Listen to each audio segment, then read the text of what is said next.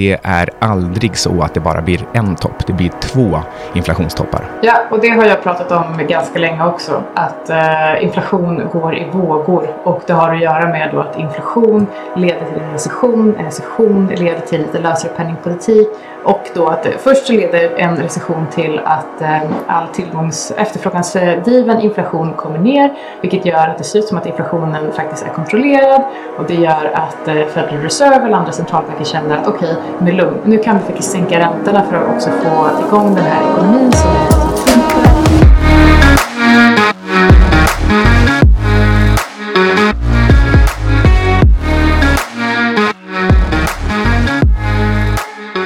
Du lyssnar på Antilop Podcast med Anna Svan och... Och Micke Syding. Du hade någon snafu-situation. Eh, ja, det var ju meningen att vi skulle spela in här klockan 10 och nu är klockan 20 över 10. Uh, eh, jag behöver inte gå in i detalj på varför, men uh, vi kan väl säga att eh, uh, Mr X har åsikter om vad jag ska ha på mig idag på vår jullunch. Eh, ja, men jag kan förstå det. Eh, och jag tycker faktiskt att vi borde lyssna lite mer på Mr X när det kommer till kläder. Kanske dock inte vilka sockar man väljer till eh, kostym. Men det är en helt annan diskussion. Vi tänkte snacka lite om Cryptos downfall. Är här, du har ju valt temat. Blev du lite inspirerad av den här Omni-artikeln som jag skrev förra veckan? Jag blev nog egentligen mest inspirerad av den senaste The Economist som har Cryptos downfall som framsida. Och det där brukar ju de här tidningarna inte lyckas tajma så himla bra. Utan eh, det kan mycket, eh, den, den är ju där för att FTX har eh, bland annat bidragit till att en, en begynnande kryptovår istället blev en, liksom en ännu djupare kryptovinter. Um, eh, hela tillgångsklassen har gått från 3 trillion till 800 billion och regulatorer flockas. Alla skriker om att det kan inte få vara så här. Men du skrev någonting som jag också kommenterade som, vad fan vad, fan vad bra det här var då? Um, Nämligen att eh, eh det är ju, ju precis FTX som sätter fingret på vad som är fel med Fiat. Att du håller på och litar på folk och har centraliserade system. FTX-krasch har ju ingenting med krypto att göra, eller? Nej, nej, exakt. Så, och inte så mycket vad som är fel på Fiat, men vad som är fel med centraliserade, egentligen, e, egentligen hela liksom, traditionella finansiella marknader och eh, centraliserade aktörer på marknaden. För att det innebär att eh, hela poängen med krypto är ju att du faktiskt ska, du tar tillbaka ägandet av ditt eget kapital och du väljer själv vad som ska göras med det kapitalet. Du sitter på dina egna nycklar vilket innebär att du kanske känner att nej, jag vill faktiskt inte att mina ETA eller mina bitcoin eller mina, ehm, eh, eller mina stablecoins, jag vill inte att de ska göra någonting annat än att bara ligga där. Jag vill veta att de finns där. Då kan du välja det. Men om du stoppar in dina pengar på en bank, då väljer banken vad de ska göra med det kapitalet. Och banken, de lånar ut det lite och de tjänar ränta på det samtidigt som banken under en period hade minusränta för alla som hade insättningar på banken. Eh, och eh, så ska det liksom inte se ut. Eh, så det, eh, jag, jag, tycker att hela FTX-kraschen, att säga att ah, men det här är vad som är fel på krypto, då, då vet man inte vad krypto är. Då har man liksom missförstått hela konceptet eh, med DeFi. Och, din, eh, din kommentar visar ju också precis min hemmablindhet. För att när jag säger Fiat, då menar jag bara tillit. Tillit till en central aktör. Ehm, det vill säga på ett mycket, mycket bredare sätt än bara just en, eh, någon slags regeringsledd valuta. Utan jag menar verkligen, du har tillit till någon. Det är det, man liksom, det, är det som är Fiat, det är det som är problemet här. Du har sagt till FTX att eh, här, ta mina pengar, gör vad ni vill. Eh, och det är det man gör med eh, vanliga pengar också. Um, men, men, som sagt, återigen, det är när man litar på någon slags central ak aktör, alltså när man har Fiat i någon, som problemen kan ens uppstå. Men, men, uh, men, men jag tycker att du blandar ihop äpplen och päron här. För uh, du kan ha krypto på en central börs, men det betyder inte att krypto är Fiat.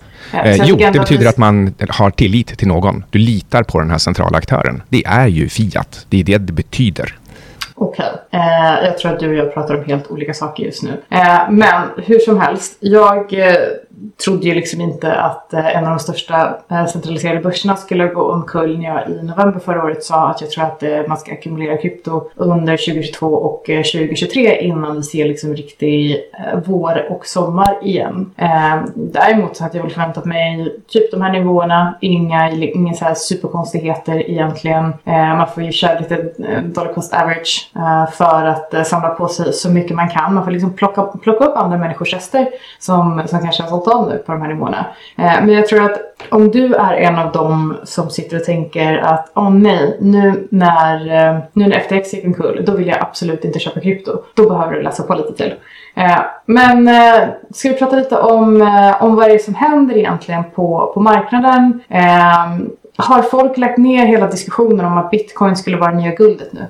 Men så är det inte egentligen helt sjukt att vi, vi är liksom bara några månader ifrån när, när man börjar säga att nu är det liksom så negativt det kan vara, det är då man ska plocka upp det här. Eh, och så kom, kommer det lite, lite mer negativa nyheter, vilket ju egentligen alla borde vara glada över. Och ändå så är vi, vi är långt upp från botten på, på både eter och bitcoin. Eh, vilket ju egentligen antyder att nu har det har ju liksom börjat, det har startat om. Och, och vad är dina utsikter på det här då? För att det, det låter ändå som att du är ganska optimistisk på ganska kort sikt. Um, och du får också definiera vilken sikt för kort sikt ja, inte olika för dig ja, och för någon annan. Mm, ja, nej, alltså egentligen om man verkligen ska liksom sätta ner foten så eh, jag skulle sälja både, både aktier och bitcoin och eter här i väntan på kanske tre, fyra månader då eh, eh, risktillgångar eh, får, det, liksom får det lite tufft igen. Men om, om du tittar på priset på ETA till exempel så har ju det legat ganska stabilt eh, jämfört med eh, andra risktillgångar. Alltså även om FTX nu har dragit ner hela kryptomarknaden så, eh, så krypto följer ju liksom en, en rejäl bit och sen så har det liksom legat och tuggat lite sidledes medan S&P också har varit liksom väldigt volatilt. Du tror, inte, du tror inte att vi har en botten här så du tror att det kan komma ner ännu lite till och att det kommer finnas bättre köplägen. Du tror inte att det kan vara en bra idé om man är... Eh, jag tänker ju sättet som jag ser eh, krypto på, eh, och då när jag säger krypto så menar jag alltså eter framförallt, eh, för det är framförallt det som jag ligger och köper. Eh, det jag tänker då är att i framtiden så kommer inte jag mäta hur mycket kapital jag har i dollar eller SEK eh, eller argentinska pesos, utan i framtiden så kommer jag fundera på hur många eter har jag? Nu tänker folk fortfarande bara på, okej okay, men hur mycket dollar har jag som ligger i eter? Eller hur mycket SEK har jag som ligger i eter? Hur mycket har min avkastning i SEK eller dollar ökat på, eh, på eter? Jag tror att, ehm, eh, att i framtiden så kommer istället en förmögenhet mätas i eh, hur många eter har jag? Eller hur många bitcoin har jag? Mm, precis, men om vi pratar februari eller mars 2023 som ju är liksom, eh, det är ju lagom nära för att fundera på hur man placerar sina pengar. Eh, då tror jag att liksom, eh, nu, har, nu har eter studsat upp från 880 till 1230. Det är typ 35-40 procent. Eh, det är en riktig rejäl björnmarknadsstuds. Alltså även för en, en, en sån sak som en kryptovaluta så är 35 procent ganska mycket. Um, och, och, jag tror att det här är drivet av att man hoppas på en pivot från centralbankerna. Att man, det, det här är inte den här omställningen till eh, till, eh, från proof of work till, till proof of stake, utan liksom den, den var ju redan passerad. Ehm, eh, utan nu så handlar det mer om att eh, man ehm, kastar sig in i risktillgångar igen och så fick man de här liksom 35-40 procenten. Um, och, och, nu kan det ta vid uh, själva nedgången för allting som är, som är riskfyllt igen. Uh, och det är därför som jag, jag, jag hade ändå förväntat mig och jag fortsätter att förvänta mig en, en ny botten som är lägre än den som var i, i juni-juli. Det gör jag både för aktier och för, för kryptovalutor. Även om det är så att man i framtiden ska, ska mäta eh, säga, en eter är en eter, in, inte eh, 1300 dollar. Och, och jag, jag, tror att du gör en sak nu som jag har funderat en hel del på eh, senaste tiden och det är att du antar att eh, det ska vara fortsatt hög korrelation mellan krypto och eh, aktier. Eh, och en sak som jag har tittat på är just korrelationsegenskaper mellan olika tillgångar och eh, under olika typer av perioder. Och kommer ihåg att jag visade den här 100 dagars rullande och så kollade jag på korrelation mellan aktier och olja, jag kollade på mellan aktier och jordbruksråvaror, mellan aktier och guld, eh, aktier och krypto eh, och kunde konstatera att ju mer likviditet som Fed har skjutit in i marknaden, desto, mer, desto högre korrelation har det varit med de här tillgångarna som traditionellt sett haft låg korrelation.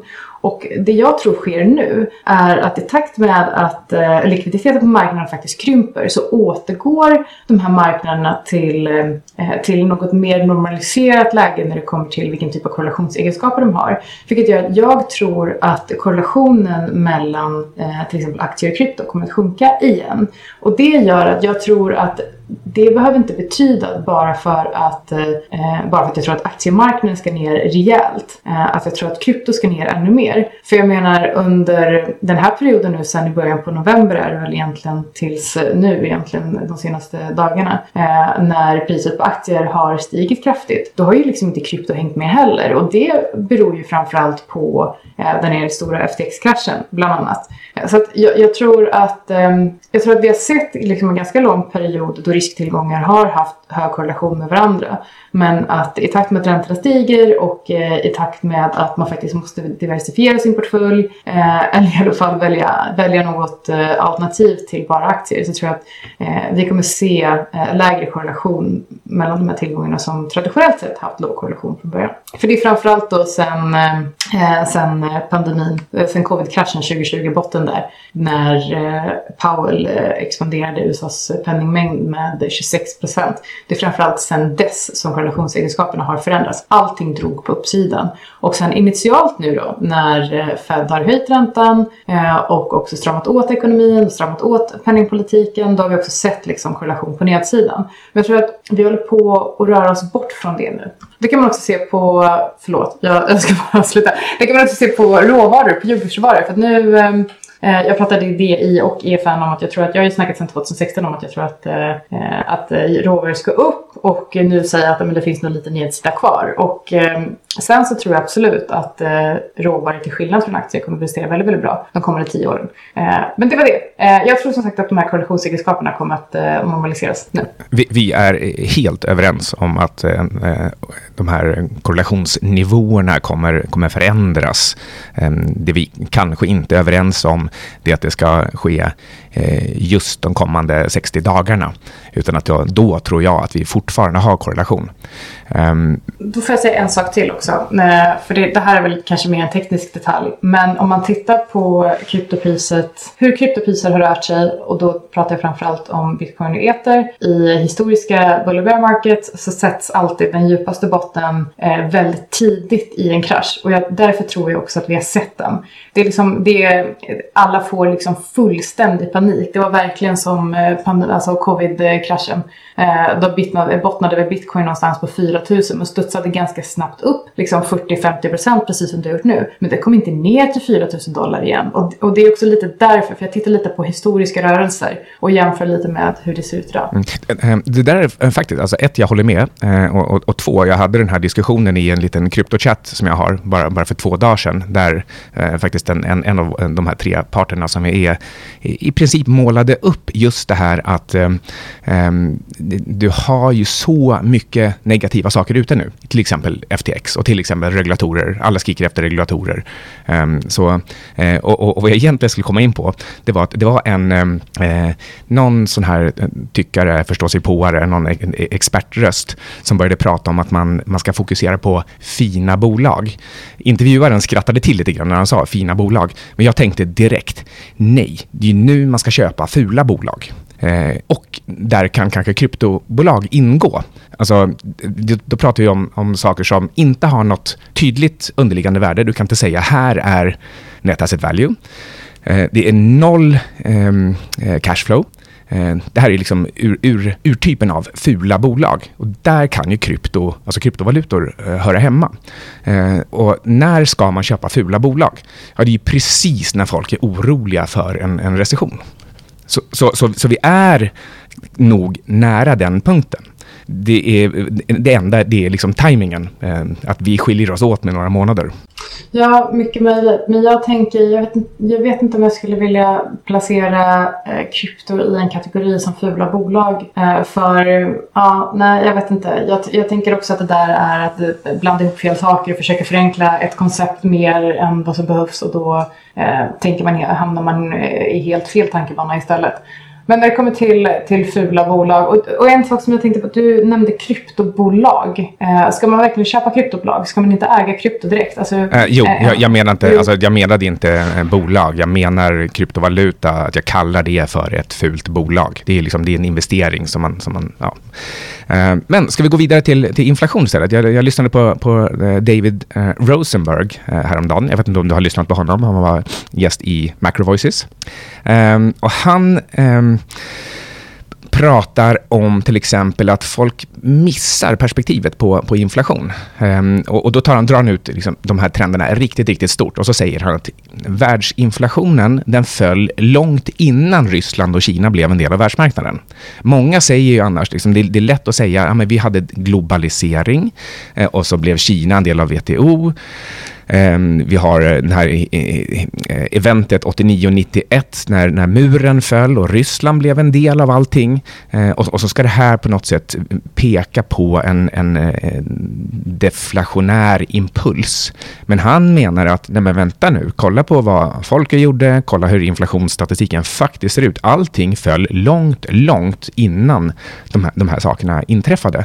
Och därmed så menar han att deglobalisering, det vi ser nu när, när världen, liksom alla sluter sig till, liksom, till hemlandet, det blir inte så himla stor inflationär impuls. Så ineffektivt blir det inte. Det här är en ganska långsam process som inte ger särskilt mycket.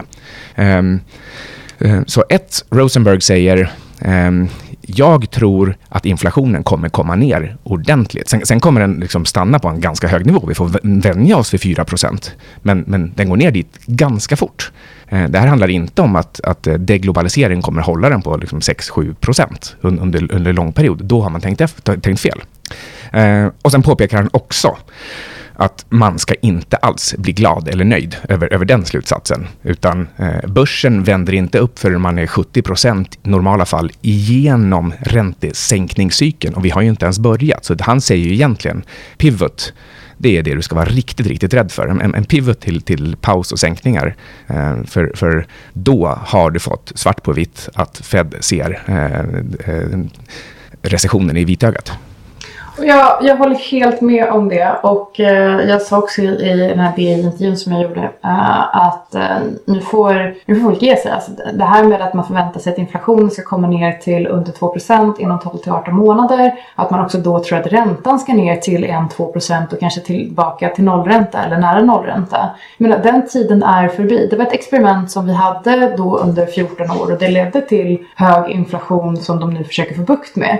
Jag tror inte det finns något scenario någon centralbankschef eh, ser att okej, okay, men vänta lite nu, inflationen har kommit ner lite till 4% och det innebär att vi ska sänka räntan till 1-2 För jag menar, 4% är fortfarande eh, 100 högre än eh, det inflationsmål som man har. Så jag menar, eh, och, och, och, jag tänker också lite så här, don't shoot the messenger. Alltså, jag tycker inte heller, jag tycker inte att det är bra att vi har hög inflation. Jag tycker inte att det är bra att, att jag förväntar mig att eh, den här, den här Ehm, högre än vad vi vill ha inflationen kommer att följa med oss liksom under typ en tioårsperiod. Jag tycker inte att det är ett positivt scenario. Jag tycker att det var enkelt att förutse med tanke på den penningpolitik som vi har sett de senaste 15 åren. Men jag tycker inte att det är bra. Jag tycker inte att det är bra att vi går in i en global recession, att vi kommer se stagflation på flera ställen i världen. Jag tycker liksom inte att det är bra att folk eh, har svårt att betala sina elräkningar. Eh, jag tycker ingenting av det här är bra. Jag har bara varnat för att den här typen av situationer kommer att uppstå eh, och det är en konsekvens av det agerande som vi har sett på finansiella marknader de senaste ett och ett halvt decenniet. Jag blir liksom inte glad av eh, 10% inflation. Jag tycker liksom, jag menar jag är också människa, jag måste också betala mina räkningar. Jag tycker, jag tycker inte att det är så trevligt. Ehm, men, eh, men nej, jag håller helt med och det var väl som MacroAlf sa i uh, The Macro Trading Floor What's so good about a recession? Varför springer ringer folk och köper risktillgångar för att man tror att räntan ska komma ner när det enda det betyder är precis som Rosenberg säger. Att vi står inför en djup recession och nu har Fed faktiskt identifierat den. Eh, det, är, det finns ingenting som är positivt med det. Absolut ingenting. Jag tror att vi har en hel generation av aktieköpare som har lärt sig i 10-15 år att eh, man köper dippen och man köper sex månader innan. Man, man är liksom lite översmart. Man, man har hört talas om att nu kommer recessionen. Recessionen kommer för att det kommer bli jättedyrt med, med el och räntor. eh, och då är det dags att köpa redan nu. Eh, och, och så ligger man man har liksom ligger sex månader före sex månaders cykeln. Man, man, man, tror att det redan är dags och det är exakt det som skapar de här eh, eh bear market rallies. Eh, så, så, som vi precis har varit igenom tror jag. Eh, eh Rosie förresten, Rosenberg, han, han, sa det har aldrig någonsin i historien funnits en, en, en, en tillfälle då marknaden har bottnat när, när Fed fortfarande höjde räntorna in i en inverterad yieldkurva. Alltså, man kan lyfta fram yieldkurvor och så kan man säga ja, när, yield, när, när vi har en inverterad yieldkurva, då kommer recessionen och sen så är det ganska orena signaler på det där. Och liksom, ska det vara när den är inverterad eller ska det vara när den flattar ut igen eller när den liksom gör det ena till det andra. Eh, men i vilket fall som helst, så länge Fed fortfarande höjer räntan eh, så, höj, så, så bottnar inte marknaden.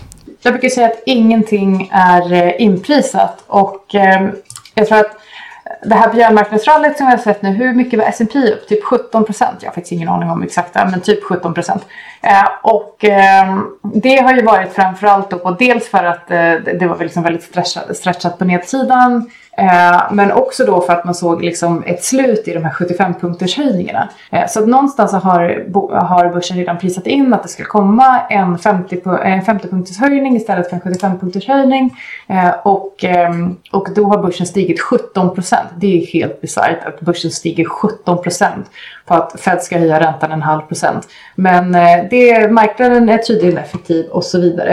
Eh, nej, men så jag tror att den räntehöjningen eh, det som är, det som är implicit i, för att vara liksom riktigt, riktigt tydlig, eh, det är att räntehöjningen är lägre än de tidigare räntehöjningarna. Sen så tror jag att den effekten som den här eh, fem, kommande 50 punkters höjningen kommer att få på eh, ekonomin fortfarande kommer vara liksom så pass stor att det kommer göra att börsen faller ytterligare. Eh, skulle det vara så att börsen drar så är det nog ett väldigt kortsiktigt rally tror jag. Mm. Bara på några procent. Ja, jag, jag tror återigen att vi, det, det, är helt enkelt så att dagens investerare, de, de försöker vara smartare än sig själva hela tiden och de har inte lärt sig någonting. Eh, och det är därför vi har bear market rallies. Det finns ingen panik. Det har inte varit någon panik ännu. Och det är exakt vad, vad Fed har ju med det här i sin wealth effect-variabel. Eh, att de kan lugnt höja och fortsätta höja så, så länge det inte eh, sker någon um, vad heter det, disorderly nedgång på, på marknaden. Ja, Eh, jag såg att det var någon som skrev att, jag, eh, att det var så typiskt mig att eh, sticka ut hakan och tycka och säga saker som att vi ska ha hög inflation i ett decennium. Men det jag bygger det på, det är ju bara på att jag tittade på historisk data och tittade på okay, när inflationen har gått upp över 5% överallt i, hela världen så har det i genomsnitt tagit 10 år för inflationen att, att komma ner till normala nivåer och det är över 5%. Jag menar nu är inflationen i USA upp över 9% Nu är inflationen 7,7%. så ja, jag tror absolut att inflationen kommer komma ner nu. Men det beror på att vi ser liksom en recession. Det har inte, inte någonting att göra med att vi faktiskt har eh, kontroll på det här inflationsspöket. Det är aldrig så att det bara blir en topp. Det blir två inflationstoppar. Ja, och det har jag pratat om ganska länge också. Att eh, inflation går i vågor. Och det har att göra med då att inflation leder till en recession. En recession leder till lite lösare penningpolitik. Och då att eh, först så leder en recession till att eh, all tillgångs efterfrågansdriven inflation kommer ner. Vilket gör att det ser ut som att inflationen faktiskt är kontrollerad. Och det gör att eh, Federal Reserve eller andra centralbanker känner att okej, okay, med lugn, nu kan vi faktiskt sänka räntorna för att också få igång den här ekonomin som, är, som krymper. Eh, och så gör man det lite för tidigt och det leder sen då till att inflationen kommer igång igen. Eh, och då blir det en topp till och sen så måste man göra något mycket, mycket, mycket drastiskt. Alltså höja räntan till typ 20%. Det kommer vi inte se nu, jag vill bara poängtera det. Ehm, yeah. vad, vad tycker du är eh, mest intressant nu? Um, jag tittar till exempel på att det ser ut som att Kina börjar öppna upp. Um, det skulle kunna liksom, driva Eh, uppmätt inflation. Det kan driva oljepriser. Oljepris, olja, oljan ser jag för övrigt, jag pratade med Mr X häromdagen, det ser verkligen ut som att den håller på att bryta ner. Men det finns ingenting fundamentalt som talar för att den ska bryta ner. Men, men oljepriset ser verkligen jätte, jättesvagt ut. Eh, och samtidigt så håller oljebolagen nästan all time highs. Um, det, det, är en, ehm, det, det, är en märklig situation. Det är som att uh, oljebolagsköparna fattar att nej, nej, nej, nej, det är någonting som är konstigt i marknaden. Det här är inte över. Um, de de dis börjar diskontera, oljepriserna börjar diskontera en kraftig recession, men oljebolagen diskonterar att typ Kina öppnar upp och kommer driva efterfrågan igen. Eh, hur påverkar det här din syn på guld, på, på vete? Det enda jag ser på marknaden just nu och det enda liksom, enkla caset jag ser på marknaden just nu det är att ligga kort Eh, typ S&P, Nasdaq, eh, ARK. eh, men, men på lång sikt, och det här pratar jag om i DI och EFN och sådär också.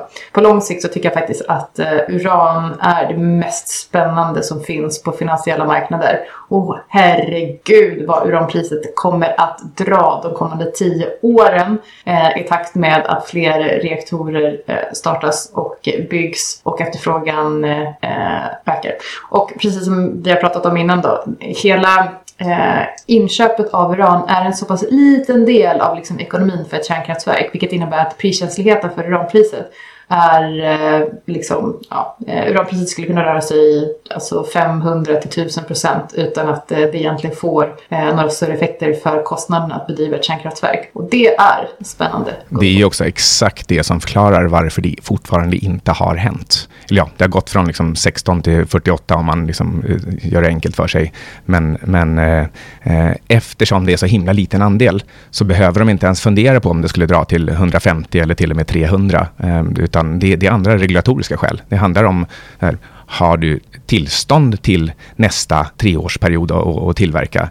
Um, ja, eftersom det är helt inkonsekventiellt vad du betalar för det. Idag, uranbolag, urangruvor, de är fortfarande räknas som eh, högriskbolag, vilket innebär att de kommer vara jättevolatila på upp och nedsida ihop med, eh, inte om man köper Cameco för jag tror att Camco Cameco har en beta på typ 0,94 till S&P så det är lite, lite lägre volatilitet än börsen.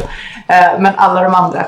Eh, och ehm, Ja, men kan, kan jag... det vara så att liksom, uran har svårt att, att, att kvala in på liksom, ESG-variabeln? Det, det, nej, det, det är en så nej, himla liten... I Europa, nej, Europa har redan röstat in eh, kärnkraft som eh, grönt, så att säga, i eh, taxonomin. Så att, nej, och jag skulle säga att om man tittar också på statistik för hur många som är för och hur många som är emot kärnkraft globalt och per enskild enskild geografi så, eh, så är det många, många fler som är för idag. Sen ska man också komma ihåg att eh, i de eh, områden där utvecklingen drivs framåt och där det faktiskt byggs flest kärnkraftverk, det är Kina, Indien och Ryssland. Eh, och jag kan ju garantera dig att eh, i Kina så vet man att det här är det bästa alternativet för fossilfri energi. Eh, så det är liksom inget, det finns liksom noll chans för någon typ av ESG-snack eller eh, en, en situation där vi har liksom folk som tror att det där är jättefarligt och tycker att Kina ska starta